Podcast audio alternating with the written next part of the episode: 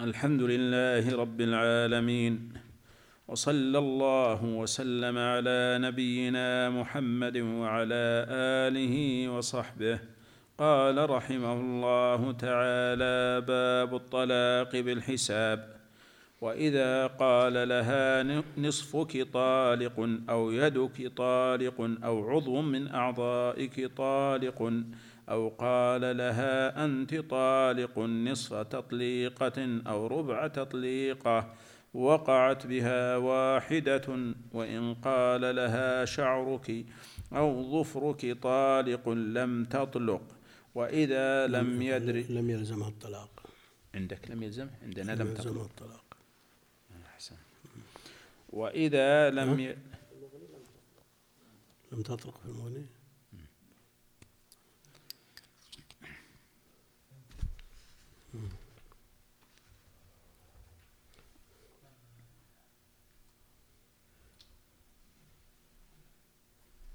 نعم. فيه خطأ النحوي تنبيه الإخوان اللي معهم النسخة هذه لأنه يبدو أنه من الطابع. شو؟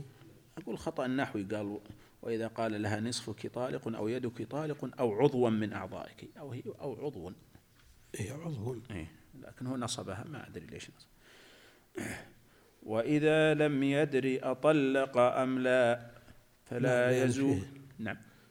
لم يلزمها الطلاق لأن الشعر والظفر يزولان عجيب ليس ويخرج غيرهما فليس هم ليس هما كالأعضاء الثابتة.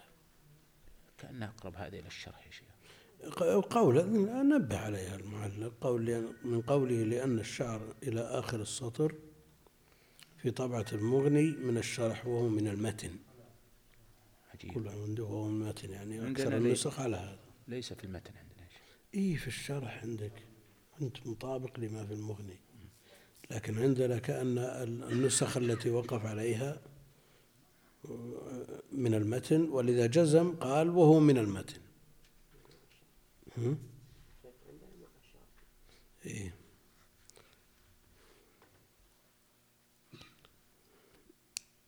على كل حال التعليل.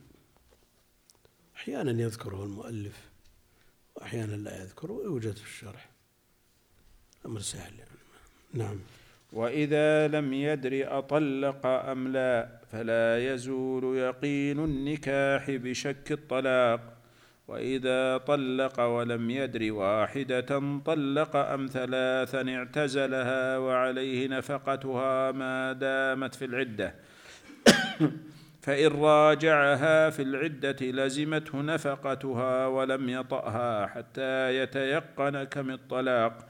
لأنه متيقن للتحريم شاك في التحليل.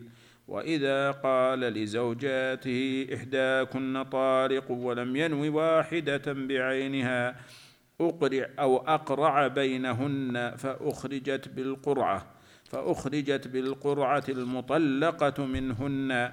وكذلك إذا طلق واحدة من نسائه وأنسيها أخرجت بالقرعة فإن مات قبل ذلك أقرع الورثة وكان الميراث للبواقي منهن.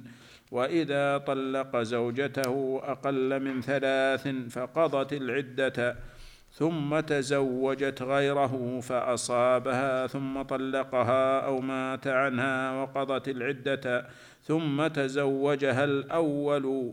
فهي عنده على ما بقي من الثلاث. وإن كان المطلق عبدا وكان وكان طلاق اثنتين لم طلاقه كان طلاقه اثنتين. عندنا وكان طلاق اثنتين. كان طلاقه اثنتين.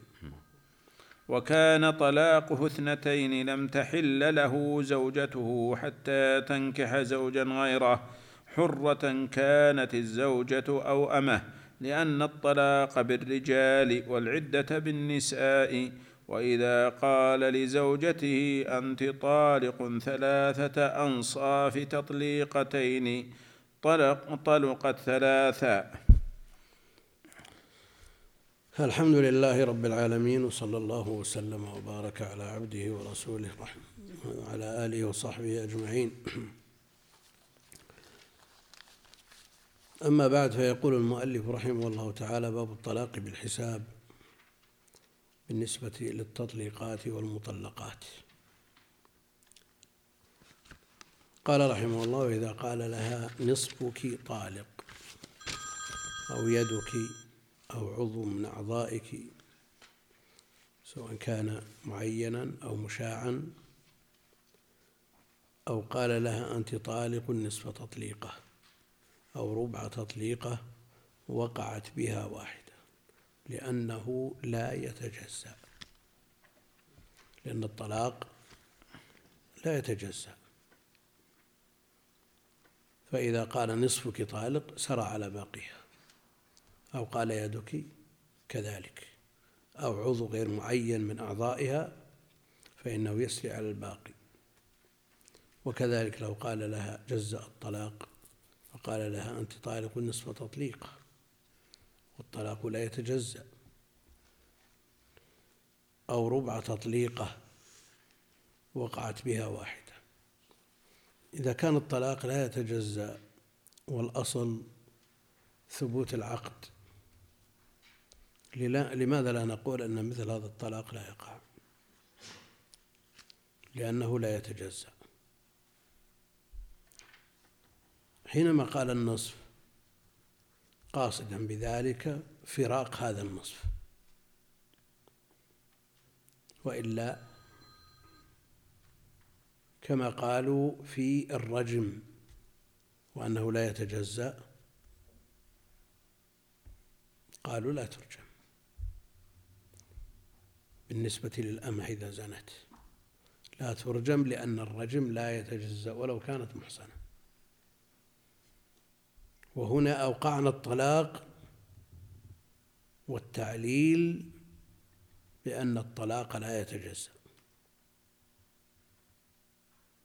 ما الفرق بينهما؟ هناك حفظنا النفس لأن الرجم لا يتجزأ. لماذا لا نحفظ العقد؟ لأن الطلاق لا يتجزأ. نحفظ العرض لأن نصف العرض عليه حرام هذا كلام. كلام على أنه لا يتجزأ وقد أوقع الطلاق على نصفها أو أوقع عليها نصف الطلقة. فهذا النصف الذي أوقع عليه الطلاق حرم عليه. ولا يمكن أن يستفيد من نصف دون النصف الآخر. فجميعها يطلق سواء كان نصف مشاع أو عضو معين كاليد والرجل ونحوهما والعضو من الأعضاء اللازمة الثابتة. بخلاف ما له حكم الانفصال كالشعر والظفر. هذا متصل. العضو اليد والرجل الرقبة وجميع الأعضاء متصلة. لكن لو قال لها شعرك أو ظفرك طالق في هذه الحالة لا تطلق لأنها بإمكانها أن تقص هذا الشعر وبإمكانها أن تقص هذا الظفر. لكن إذا قال شعرك أو ظفرك طالق هل يلزمه قصه؟ لأننا إنما لم نوقع الطلاق لأنه في حكم منفصل فهل يلزمنا فصله أم لا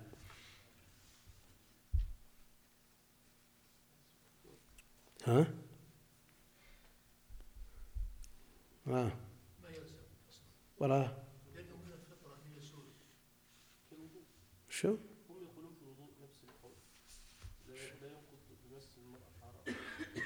الخلاف بين أهل العلم هل الشعر والظفر في حكم المتصل أو في حكم المنفصل؟ والقواعد عبد الله بن رجب؟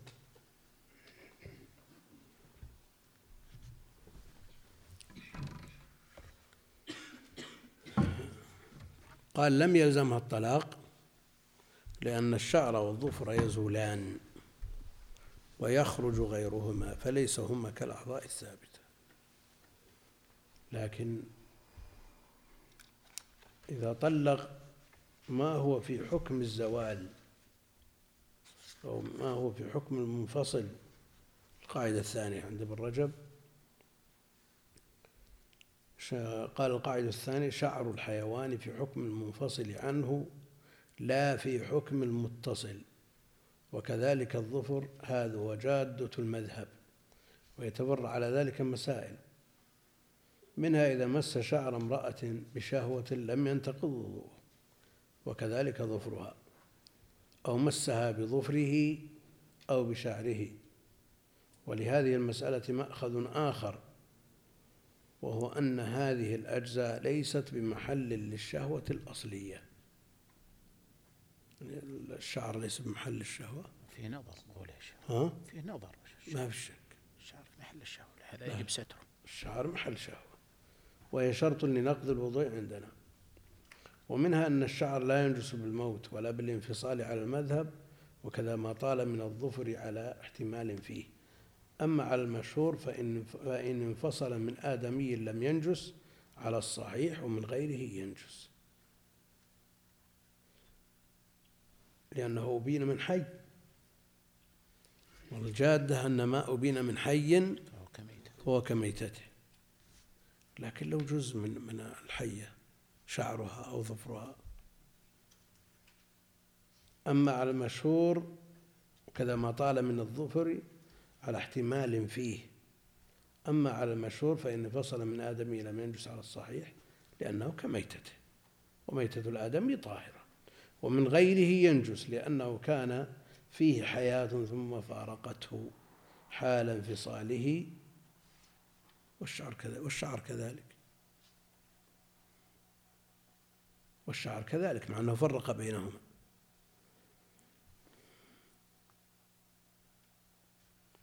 فمنعه الاتصال من التنجيس فإذا انفصل زال المانع فنجس. وهذا الكلام فيه نظر. الحكم واحد الشعر والظفر حكمهما واحد. حتى قال بعضهم العظم. نعم ذكر هنا يقول وبهذا قال ابو حنيفه واصحابه وفي وجه اصحابنا انها تطلق بذلك يعني الشعر. إيه وبه قال مالك والشافعي لأنه جزء يستباح به التحيه فتطلق بطلاقه كتسبح. اي هذا على القاعدة القاعدة ما متفق عليها هل هما في حكم المتصل أو في حكم المنفصل؟ من يقول في حكم المنفصل ما تطلق ومن قال في حكم المتصل تطلق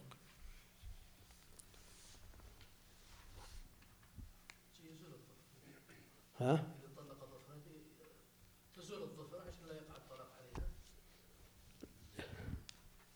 لا على على القاعدة قلنا أن في حكم المنفصل ما يحتاج نزيله. ومنها بعد أن بعد كلام طويل قال ومنها لو أضاف طلاقا أو عتاقا أو ظهارا إلى الشعر أو الظفر لم يثبت به الطلاق ولا العتاق ولا الظهار على الأصح. قال ومنها لو كان جيبه واسعا ترى منه عورته في الصلاة لكن له لحية كبيرة تستره فالمذهب أنه يكفيه في الستر.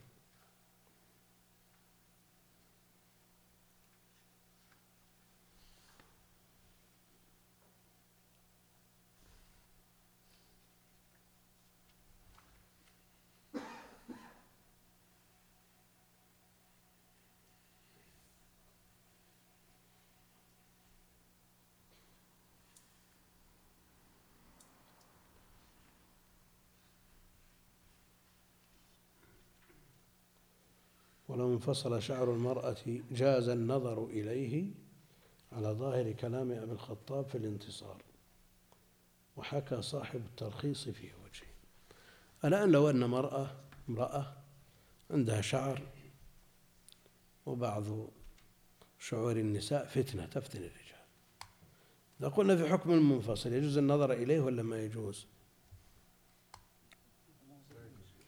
ها؟ في حكم المنفصل هو المقرر عندنا في الذي رجحه أنه جادة المذهب في حكم المنفصل. كان هذا النظر يكون منفصل عنه حال النظر. لا لا هو ما يرى من جسم المرأة شيء إلا شعرها إلا الشعر بس. ها؟ يعني من باب آخر. المنع من باب آخر. ولا ذكروا في كتب الأدب أن فلانا من الناس دخلت امرأته على ضيوفه وهي عارية. أقبلت وشعرها من أمامها يسترها وأدبرت وشعرها من خلفها. هذا في كتب الأدب. وهم لا ينظرون إلا إلى الشعر أن هذا يبعد عادة. وهو ها؟ والشعراء دائما يمدحون الشعر. إيه معروف يتغزلون به. وهو ما زال يعتبرون الشعر وجه ثاني للمرأة. وين؟ لا أكثر تحتاج أكثر من متر. لكن الطول تحتاج إلى أكثر. على كل حال هذا كلام أدباء ما هو كلام فقهاء. لكن المقرر عندنا أن الشعر والظفر المرجح وجادة المذهب أنه في حكم المنفصل ولذا لا يقع عليه الطلاق. لو علق عليه الطلاق لم يقع هل يلزم استصحاب نية قصد هذا المنفصل؟ شلون؟ يعني يقصد الشعر لا يقصد الطلاق يعني أو أن اللفظ يكفي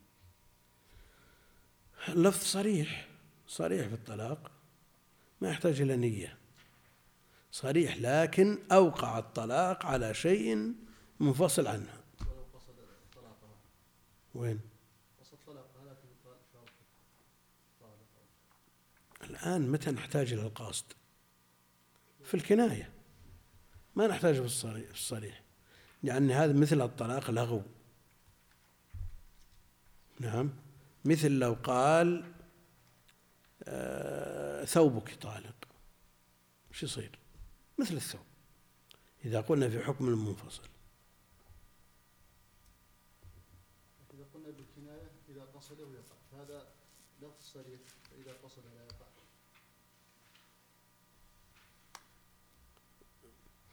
إذا قصده ما الذي دعاه أو جعله يوقعه على الشعر دون البدن؟ لماذا أوقعه على الشعر؟ ها؟ كثير من الناس ما يفرقون إذا أوقع على جزء يظن كل الأجزاء واحد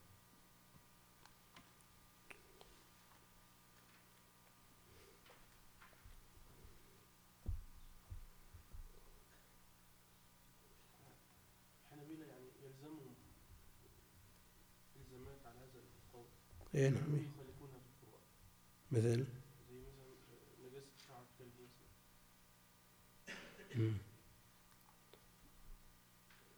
هل هي عينية ولا حكمية؟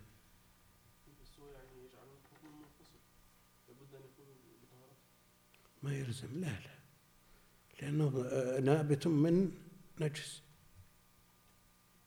نابت من نجس فهو نجس شيخ الإسلام قال ذلك والمقياس المذهب أنه يكون طاهر معروف كلام شيخ الإسلام حتى العظم عنده طاهر. عظم الميتة طاهر عنده.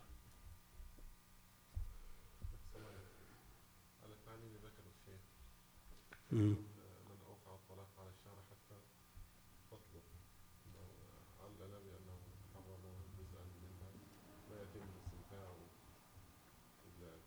ما أشار إليه الشارح. أشار الشارح في مذهب مالك. مش قال عن المذاهب؟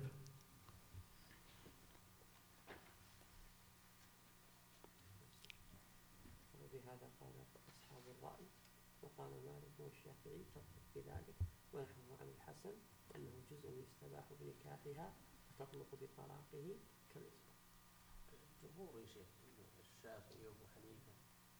لا وبهذا قال أصحاب الرأي مثلنا وجه لاصحابنا ما تطلق هو كل فرع عن هذه القاعدة. هل هو متصل ولا منفصل؟ متصل كاليد أو منفصل كالثوب. شو؟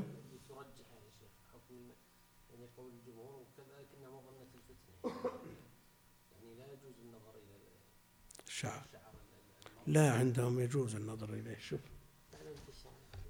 ولهذا لو انفصل شعر المرض جاز النظر إليه على ظاهر كلام ابن الخطاب في الانتصار. لكن لو اتصل وهو في حكم منفصل وش اللي يمنع من النظر إليه؟ على قاعدتهم. على جهة جهة المذهب. يكون أحسن.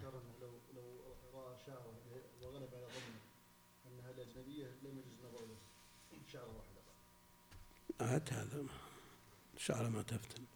لأن قالوا من من فروع هذه القاعدة لو وضع يده على أو حلف أن لا يمس شاة فوضع يده على شعرها. القاعدة في حكم المنفصل ما يحنث لكن استثنوا ذلك لأن الأيمان والنذور مبناها على العرف. وأن في أعراف الناس كلهم أن من مس ظهر الشاة قال مس. ما يقول والله شعره وشعر بحكم منفصل نعم؟ الزينة لا يجوز لها أن تبديها. الشعر هذا منفصل مع ذلك لما زين أعطي حكم لما انفصل عنها أعطي حكم آخر لكن قريب من الشعر لما ينفصل منها أما لما هي تكون فهو من الزينة وما في شك كلا جادة المذهب أنها ما تطلق. بناء على أنه في حكم المنفصل ولذلك قال لأن الشعر والظفر يزولان ويخرج غيرهما فليس هما كالأعضاء الثابتة. نعم.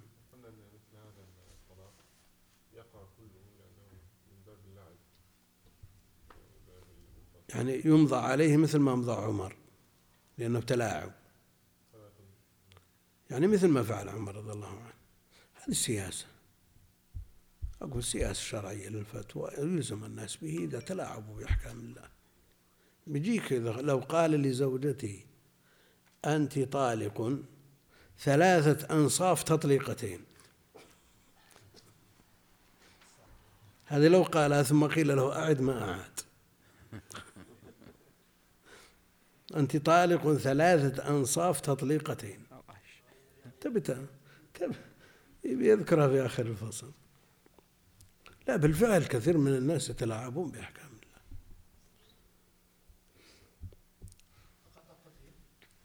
وشو؟ طلقت ثلاثا. ثلاثة أنصاف تطليقتين ثلاث. هذه. شو؟ ثلاثة أنصاف تطليقتين ثلاث. لا ما نظروا إلى هذا. طلقة ونصف وطلقة ونصف لا لو قال ثلاثة أنصاف ثلاثة أنصاف ثلاثة أنصاف تطليقة طلقت ثلاثة. لأن لا يتجاوز لأنه لا يتجزأ. فالأنصاف كاملات. قال رحمه الله وإذا لم يدري أطلق أم لا فلا يزول يقين النكاح بشك الطلاق. وإذا لم يدري أطلق أطلق أم لا فلا يزول يقين النكاح بشك الطلاق. من ابتلي بالوسواس كثير. نسأل الله العافية. عندهم من التصرفات والتخيلات شيء ما يخطر على البال. ولو آه، قرع الباب ظن أنه طلق زوجته. وجلست انتبهت من النوم فجلست على فراشي وعدت ونمت. فيقول أنه ما جلس هذه الجلسة إلا ليطلق. نسأل الله العافية. لو آه، استجلس معه ساعات تبي تقنعه ما جلس ما ما طاع واحد مدرس يسأل جاد. يقول في آخر الفصل الدراسي الطلاب عددهم قليل عندي وعند زميلي في الفصل الثاني. فقال لي هات طلابك مع طلابي. فقلت له نعم. وراحوا طلابي لم طلابه فجاء يسأل يقول أنه يقول أنت طلقت زوجتك؟ قلت نعم. مشكلة. هذا ما لهم حل. هذول ما ينفذ لهم طلاق هذول شبه مجانين. وإذا لم يدري أطلق أم لا فلا يزول يقين النكاح بشك الطلاق. وإذا طلق فلم يدري واحدة طلق أم ثلاثا اعتزلها. لأنه طلق بيقين لكن ما يدري هل له رجعة أو لا. وعليه نفقتها. الآن يعامل بالأحوط. عليه نفقتها الاحتمال أن تكون. واحدة. عليه نفقتها ما دامت في العدة. فإن راجعها في العدة لزمته نفقتها.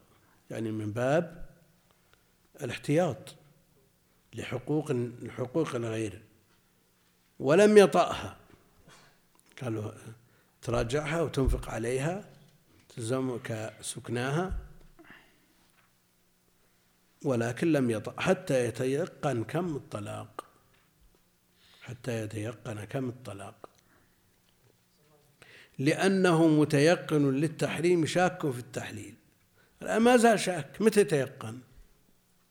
افترض أنه ما ترجح عنده شيء.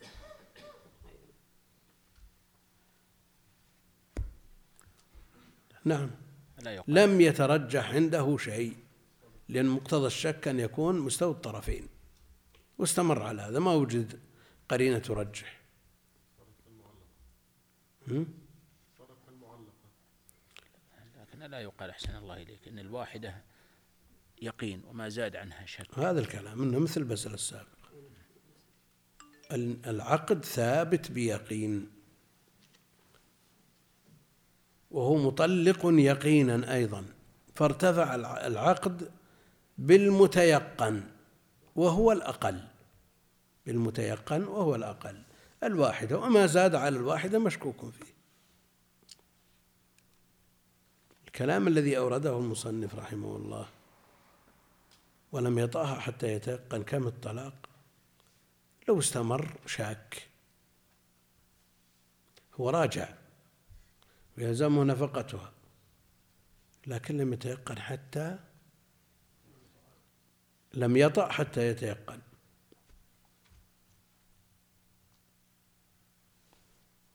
قد يجد قرينة ترجح له لكن قد لا يجد. فإذا لم يجد فما الحكم؟ هل نقول يفرق بينهما بناء على أن ال- الأحوط الف- الفرقة لأنه طلق؟ ها؟ أو يقال أنه يبني على الأقل لأنه متيقن وما زاد على ذلك فهو مشكوك فيه. يعني نظير ما قالوا فيما إذا روى عن الشيخ من لفظه. وشك هل معه أحد أو لا؟ هل يقول حدثني أو حدثنا؟ وجوده متيقن ووجود غيره مشكوك فيه. فالأولى أن يقول حدثني. نعم حدثني. من جهة أخرى قال بعضهم يقول حدثنا ولا يقول حدثني. لماذا؟ لأن صيغة حدثنا بالجمع أضعف من حدثني بالإفراد. لأن صيغة حدثنا بالجمع مع المجموعة غير كونه يحدثه ويقصده بالتحديث بمفرده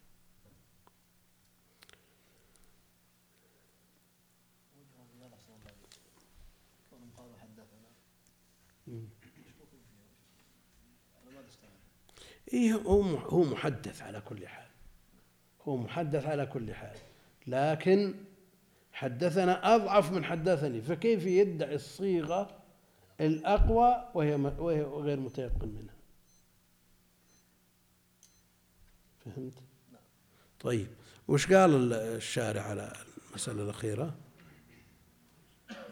وجملة ذلك أنه إذا طلق وشك في عدد الطلاق فإنه يبني على اليقين نص عليه أحمد في رواية ابن منصور في رجل لفظ بطلاق امرأته لا يدري واحدة أم ثلاثة. قال أما الواحدة فهو فقد وجبت عليه وهي عنده حتى يستيقن. بهذا قال أبو حنيفة والشافعي لأن ما زاد على القدر الذي تيقنه طلاق مشكوك فيه فلم يلزمه كما لو شك في أصل الطلاق.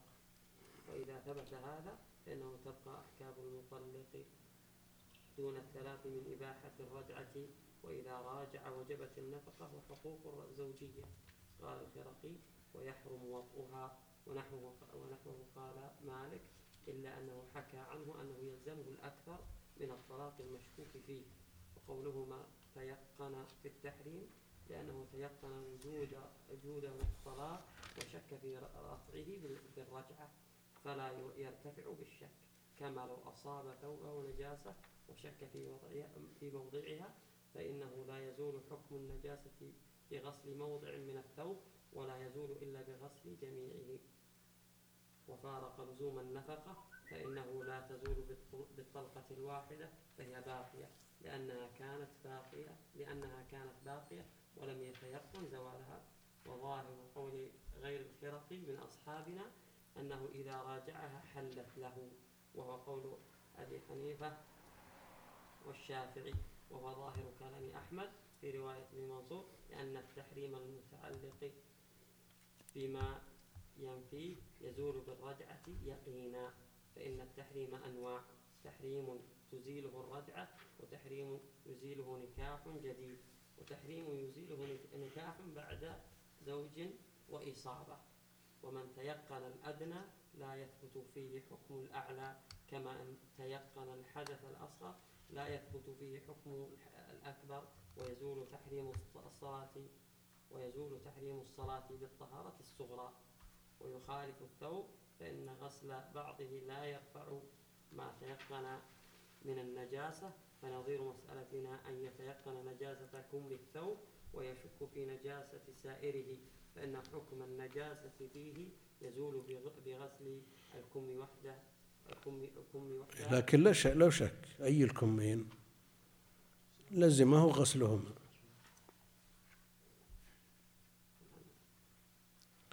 المقصود أن ال- ال- الأصحاب على خلاف ما ذكره الخرقي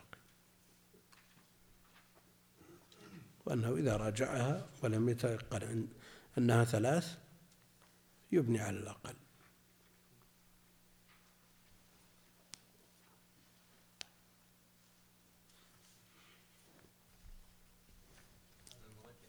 والله هذا اللي يظهر إن شاء الله. وإذا قال لزوجاته إحداكن طالق. وإذا قال لزوجاته إحداكن طالق. ولم ينوي واحدة بعينها. ولم ينوي واحدة بعينها. أقرع أو أقرع بينهن. وأخرجت بالقرعة فأخرجت بالقرعة المطلقة منهن.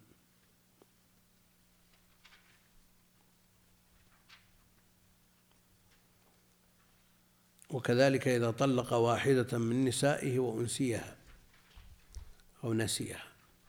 لأن أنسي هذا في القرآن. لا يقول أحدكم أنسيت آية كذا. وأما في غيره ما يمنع أن نقول نسيت. وكذلك إذا طلق واحدة من نسائه ونسيها أنسيها أخرجت بالقرعة. فإذا ما فإن مات قبل ذلك أقرع الورثة وكان الميراث للبواقي منهن.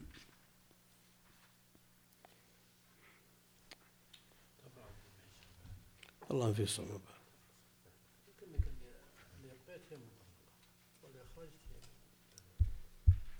وفي صعوبة لأن حقوق الناس.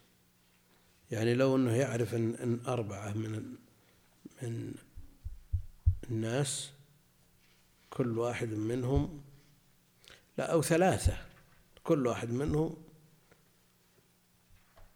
عنده له دين بألف ثلاثة وحضر أربعة كل واحد يطالبه بالألف وهو ما تيقن إلا ثلاثة يجزم بثلاثة. يقول يقرأ بينهم. كل واحد يزعم أن له حق بيقين. والنساء كل واحد منهن امرأة بيقين بعقد.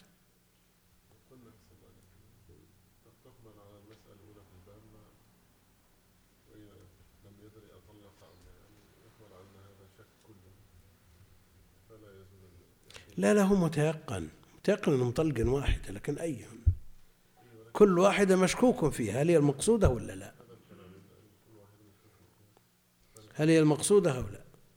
الآن لما بقي إلا الإرث طلق واحدة لا بعينه ومات حين لو يعرض عليهن البقاء كلهن ويكون الضرر عليهن بدل من ثلث الثمن يصير ربع الثمن أو يقرع بينهن بيرضون. ما في ولا واحدة بترضى بالقرعة ثلث ربع الثمن مضمون أفضل من ثلث مشكوك فيه يمكن تطلع القرعة فتحرم من الإرث كله. ولذلك في مثل القرعة في مثل هذا لأن سيما أن فيها حقوق يحرم فيها محق يحرم فيها صاحب حق. نعم ثبتت القرعة في مسائل لكن ما هي بهذه الطريقة. مش قال الشارح؟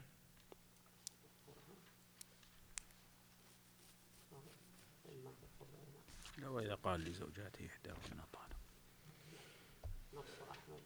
أحمد على هذا وقال أبو حنيفة يقسم الميراث بينهن كلهن. صح. لأنهن تساوينا في احتمال استحقاقه. ولا يخرج الحق ولا يخرج الحق عنهن. فقال الشافعي يوقف الميراث المختص بهن حتى يصطلحن عليه. لأنه لا يعلم الحق منهن. أبد أبد صالحات من أول يوم. صحيح تأخذ الربع الثمن ولا احتمال أن تحرم كل شيء ها؟ لو واحدة إيش تمسكت؟ إلا بالقرعة لا قالت قرعة ولا أرضى في ربع الثمن على قول على قول أبي حنيفة يلزمها أن يلزم أي يلزم وعلى قول الشافعي هي طالبت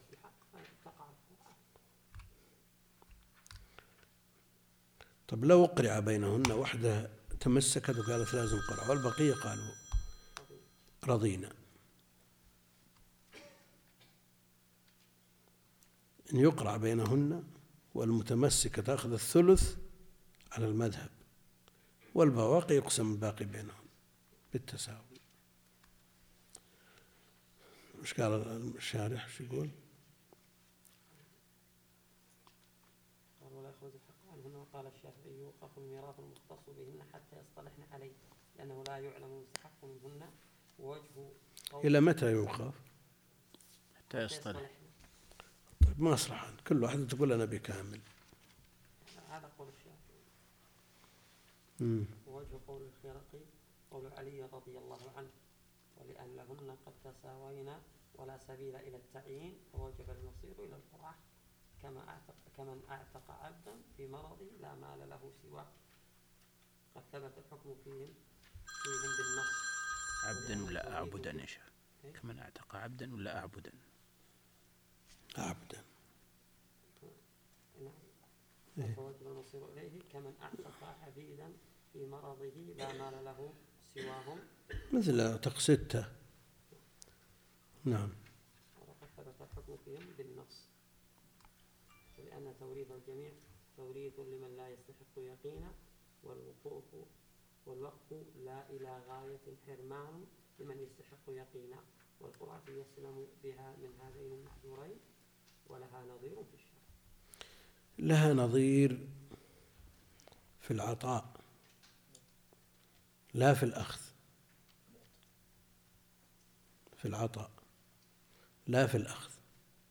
كونك تقرع بين نسائك من تسافر بها؟ هذا شيء. لكن تقرع بين نسائك من تظلمها؟ نعم. العبيد الآن قد يقال يبعض لكن كونه لا أقرع بينهم. أعتق اثنين وأربعة الردة لا يقال إن مسألة العبيد تفضل فتجرى فيها. مثل ما قلت أنا كونه كونه فضل غير كونه حرمان. غير كونه حرمان. يعني كونه يسافر بامرأة البقية ما في ظلم لهن. نعم؟ لكن كونه يقرع بينهن ليحرم واحدة منهن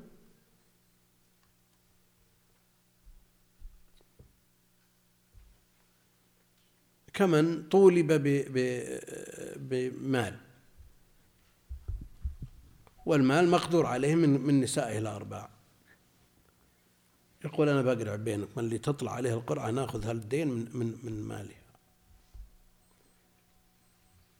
هذا لا يمكن يتصور ولا يجوز بحال.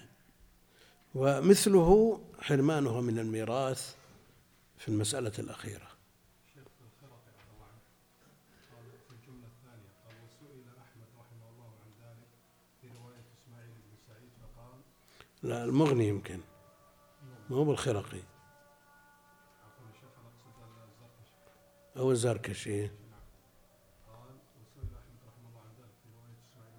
فقال أكره أن أقول في الطلاق بالقرآن حرمان حرمان هذا.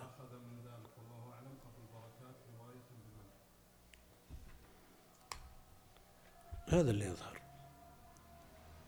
قرعة تحرم محق من حقه. حتى في حال الحياة شلون كذلك. شلون؟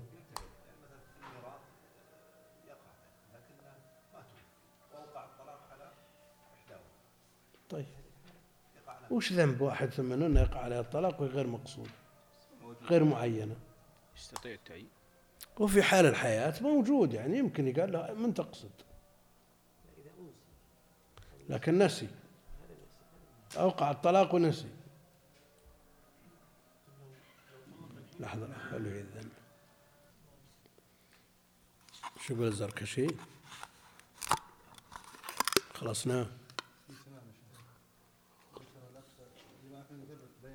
في في الأكل وفي الميراث فيقول سألت أحمد عن رجل يطلق امرأة من نسائه ولا يعلم أيتهن طلق قال أكره أن أقول في الطلاق بالقرعة قلت أرأيت إن مات هذا قال أقول بالقرعة وذلك لأنه تصير القرعة على المال على المال قال جماعة من روي عنه القرعة المطلقة المنسية إنما هو التوريث فأما في الحل فلا ينبغي أن يثبت بالقرعة وهذا قول أكثر أهل العلم.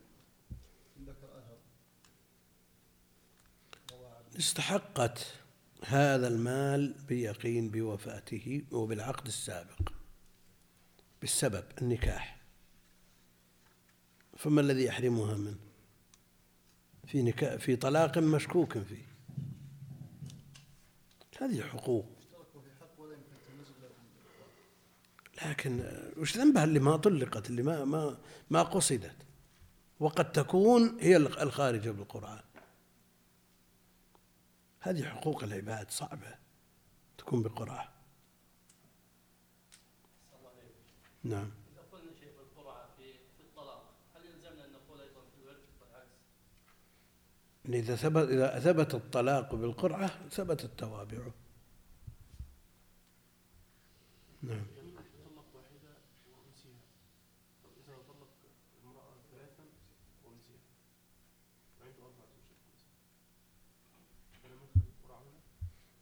أنسي المطلقة ولا نسي العدد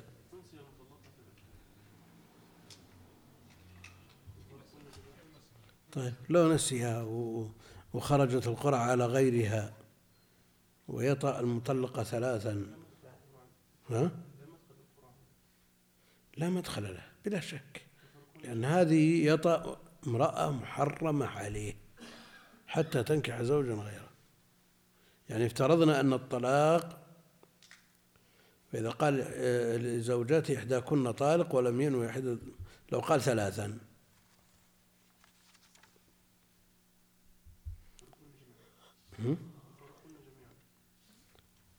على هذا يلزم أن يفارق الجميع من باب الاحتياط ل... ل... ل... للماء. أورد أثر عن علي رضي الله عنه من رواه. شو ما يجي عبد الله بن حميد. عبد عبد. عبد الله عبد. وعبد الحميد أصلا؟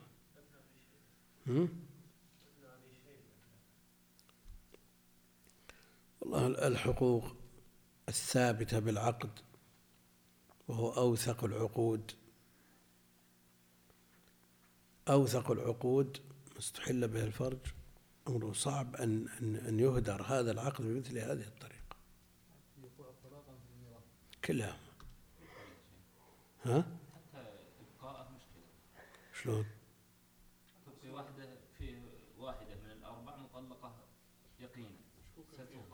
لا مشكوك. مشكوك. وطلق وأنسي. طيب مشكوك. لا- لا، المسألة وين وين يقع عليه هذا الطلاق؟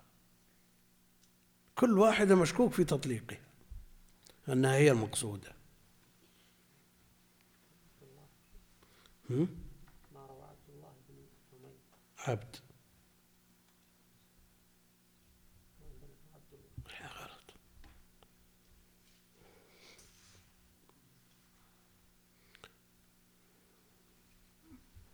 وإذا طلق زوجته أقل من ثلاث فقضت العدة أو قضت العدة وتزوجت غيره فأصابها فأصابها. ثم طلقها أو مات عنها أقل من ثلاث. ثم طلقها الزوج الثاني أو مات عنها وقضت العدة ثم تزوجها الأول فهي عنده على ما بقي من الثلاث. على ما بقي من الثلاث. طلق واحدة ثم تزوجت بعده ورجعت إليه بقي ثنتين. طلق ثنتين ثم تزوجت بعده ثم رجعت إليه بقيت واحدة. لكن لو طلق ثلاثا ثم نكحت بعده ثم رجعت إليه رجعت صفر. من جديد. قد يقول قائل لماذا لا نلغي الواحدة والثنتين كما ألغينا الثلاث؟ شو؟ ما تلغى. لماذا؟ ها؟ عمر بن الخطاب اختبر أبا هريرة في هذه المسألة.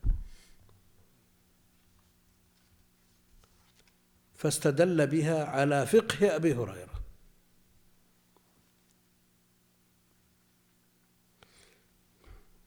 لأنه ما يمكن أن ترجع بشيء من الطلقات.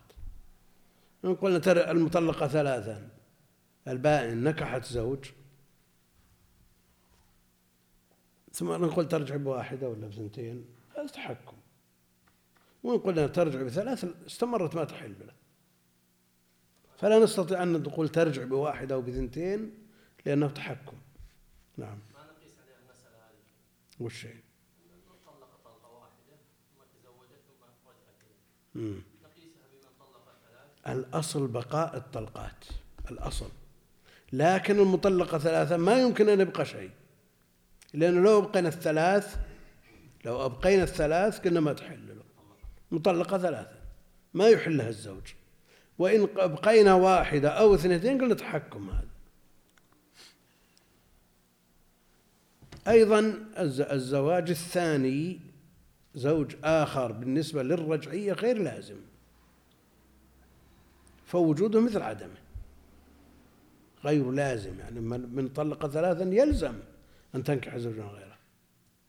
وأما المطلقة واحدة أو اثنتين فله أن يراجعها وله أن يعقد عليها ولو بعد تمام العدة. فكأنه غير موجود.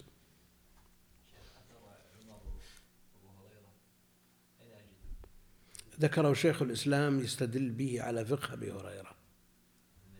إيه، لا مجموع الفتاوى إيه. الشيخ ليس تقوم متكافئا في اثار كذلك عن الصحابه ذكرها الموني يدل على ان حتى لو طلق واحدة أو اثنتين انها ترجع كذلك صح يعني. هو الكلام على أنه زواج ليس بلازم. لا يلزم. فلا أثر له. ولو أردنا أن نط- أن نطرد ببقاء الطلقات ما استطعنا. لأن الثلاث لا يمكن أن تبقى. وكوننا نمسح الثالثة ونبقي ثنتين ولا واحدة تحكم هم؟ رواية عن أحمد أنها رواية عن إيه؟ ترجع إيش؟ يعني من الرجعية لو إذا تزوجت رجلا آخر أنها ترجع. كالثل كالبائن. كالباء معروف القول الثاني. وإن كان المطلق عبدا وكان طلاقه اثنتين لم تحل له زوجته حتى تنكح زوجا غيره لأن طلاقه تطليقتان. والأمة عدتها قرآن. لم تحل له زوجته حتى تنكح زوجا غيره. حرة كانت الزوجة أو مملوكة لأن الطلاق معتبر بالرجال والعدة معتبرة بالنساء. معتبرة بالنساء. نظير ذلك إذا أسقطت المرأة. إذا أسقطت المرأة. فلا يخلو السقط هذا إما أن يكون فيه خلق الإنسان ولم تنفخ فيه الروح أو نفخت فيه الروح. فأحكام الأم تثبت بالتصوير. وأحكام الطفل السقط بالروح. واضح؟ أحكام الأم بالتصوير. إذا ألقت شيئا فيه شيء من خلق الإنسان ترتبت أحكامها عليه. لكن ال- الولد ما تترتب أحكامه إلا بعد نفخ الروح. هنا ال- الطلاق بالرجال والعدة بالنساء. فإذا كانت المرأة حرة والرجل عبد فتطليقتان. وعدتها ثلاث قروء. وإذا كان العكس العكس الرجل حر والمرأة أمة الطلاق ثلاث والعدة قرآن. وإذا قال لزوجتي هذه المسألة وإذا قال لزوجتي أنت طالق ثلاثة أنصاف تطليقتين طلقت ثلاثا. يعني بالحساب هي ثلاث طلقات. لأن نصف التطليقتين تطليقة. في ثلاثة ثلاث تطليقات. لكن هم لو قالوا أنت طالق ثلاث أنصاف تطليقة ثلاث. لأن الطلاق لا يتج... لا يتبعض لا يتجزأ. وش قال عليه الشارع؟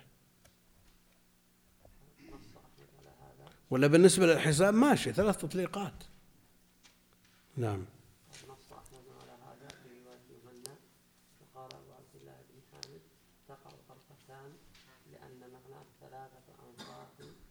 من وذلك ونصف ثم تكمل فتصير وقيل لأن النصف الثالث من طلقتين محال إيش؟ للنصف الثاني. النصف الثالث من محال إيش؟ آخر كلمة. لأن النصف الثالث من الطلقتين محال إيه تمام. الآن عندنا ثلاثة أنصاف تطليقة. واضح أنها ثلاثة أنصاف. وثلاث أنصاف تطليقتين يعني ستة أنصاف. فهي ثلاث يعني بالحساب. لكنه لها مأخذ آخر عندهم وهي أن الطلاق لا يتجزأ. كما لو قال أنت طالق نصف تطليقة حسبت كامل أو ربع تطليقة تحسب كامل. هذا المأخذ الثاني اللي مشوا عليه. وش كمل بعد إيش قال؟ ولأصحاب الشافعي وكان هذين إيه؟ ولنا أن نصف الطلقتين طلقة وقد أوقع أوقعه ثلاثا فيقع ثلاثا.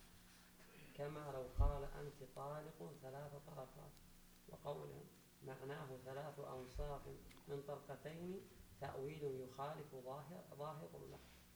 فإنه على ما ذكروه يكون ثلاثة أنصاف طلقة وينبغي أن يكون ثلاثة أنصاف طلقتين مخا- مخالفة لثلاثة أنصاف طلقة. وقولهم إنه محال قلنا وقوع نصف الطلقتين عليها ثلاث مرات ليس بمحال فيجب أن يقع شيخ يعني كيف يكون الظرف أكبر من المظروف؟ شو؟ كيف يكون الظرف أكبر من؟ هو ثلاث أنصاف تطلقتين أنت بتقول اصرف لي هالريال أعطني ثلاثة أنصاف ممكن ها محال ما يمكن يقول لك أقسم لي هالتفاحة ثلاثة أنصاف؟ وهالتفاحتين ستة أنصاف؟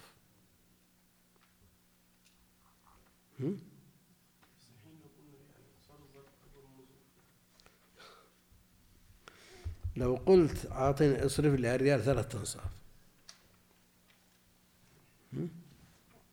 مثل بزر في يده نعل واحدة ويبحث عن النعل الثالثة خطأ. إيه، مثل ما لو قال اصرف لي هذا الريال ثلاثة أنصاف قل هذا خطأ هذا محال. لكن إذا نظرنا إلى أنها أنصاف نصف طلقة مع نصف طلقة مع نصف طلقة في أثنين وش صارت؟ ستة أنصاف. ثلاث ستة أنصاف. مو هو بيقصد ثلاثة أنصاف طلقة. ثم ثلاثة أنصاف طلقة مستقلة صار محال. لكن افترض أن هذه التطليقتين قسمت إلى آه، ثلاث أقسام. هذه التفاحة مثلا قسمت إلى ثلاث أقسام. نعم. ولفقت من هذه الثلاثة أقسام من التفاحتين فالمنظور إليه التنصيف من جهة والعدد الثلاثة من جهة. مع أنه غير ثلاثة أنصاف إذا نظرنا إليها بمفردها في عين واحدة محال. وإذا نظرنا من إليها من أعيان يعني جبت ثلاث تفاح وقسمتها إلى أنصاف وصارت ستة أنصاف ثلاثة أنصاف في اثنين التطليقتين صارت ست.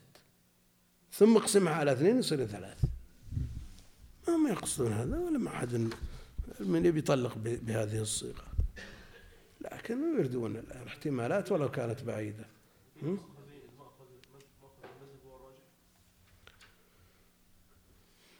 لكل حادث حديث. لو جاء أحد يستفتي كله هدف كله شيء كله ها؟ أبو شرها كنجحتي يستفتي عنها في المسألة؟ ثلاثة أنصاف تطلق. والله. صعب لو قال له أعد ما استطاع أن يعيد الزركشي وش قال؟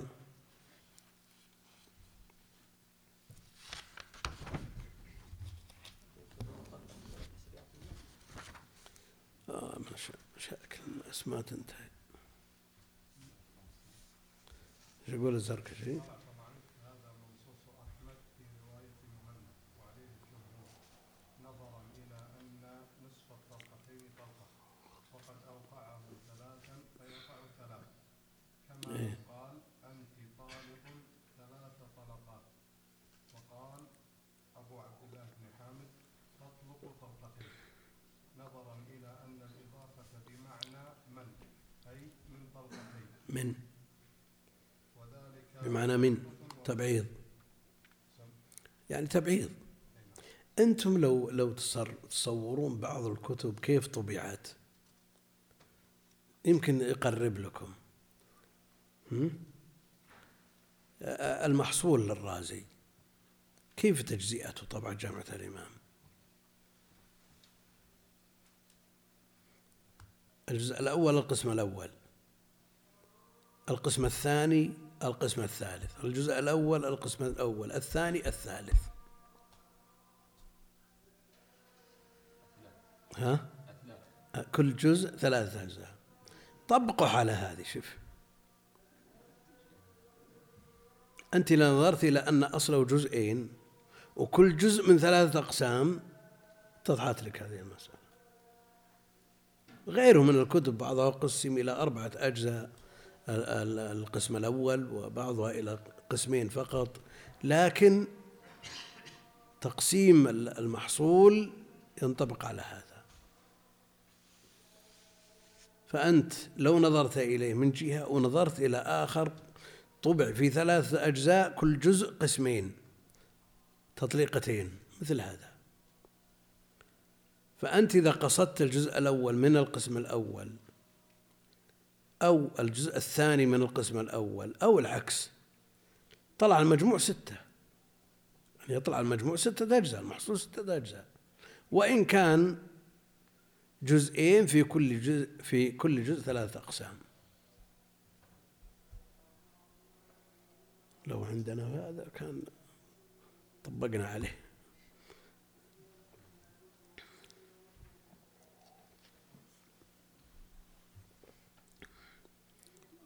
لو انه ما قال تطليق ثلاثة انصاف تطليق فما قال تطليق قال ثلاثة انصاف تمشي على. على ما قعده أولا لكن أنص... ثلاثة أنصاف تطليقتين يجتمع من الثلاثة في النصف يعني في اثنين تطلع ستة تلفق من هذه الستة ثلاث تفاحات كاملة يعني جبت ثلاث ثلاث تفاح وقسمت هذه الثلاث إلى ستة أنصاف صح أن هذا نصف وصح أن هذا نصف والثالث نصف؟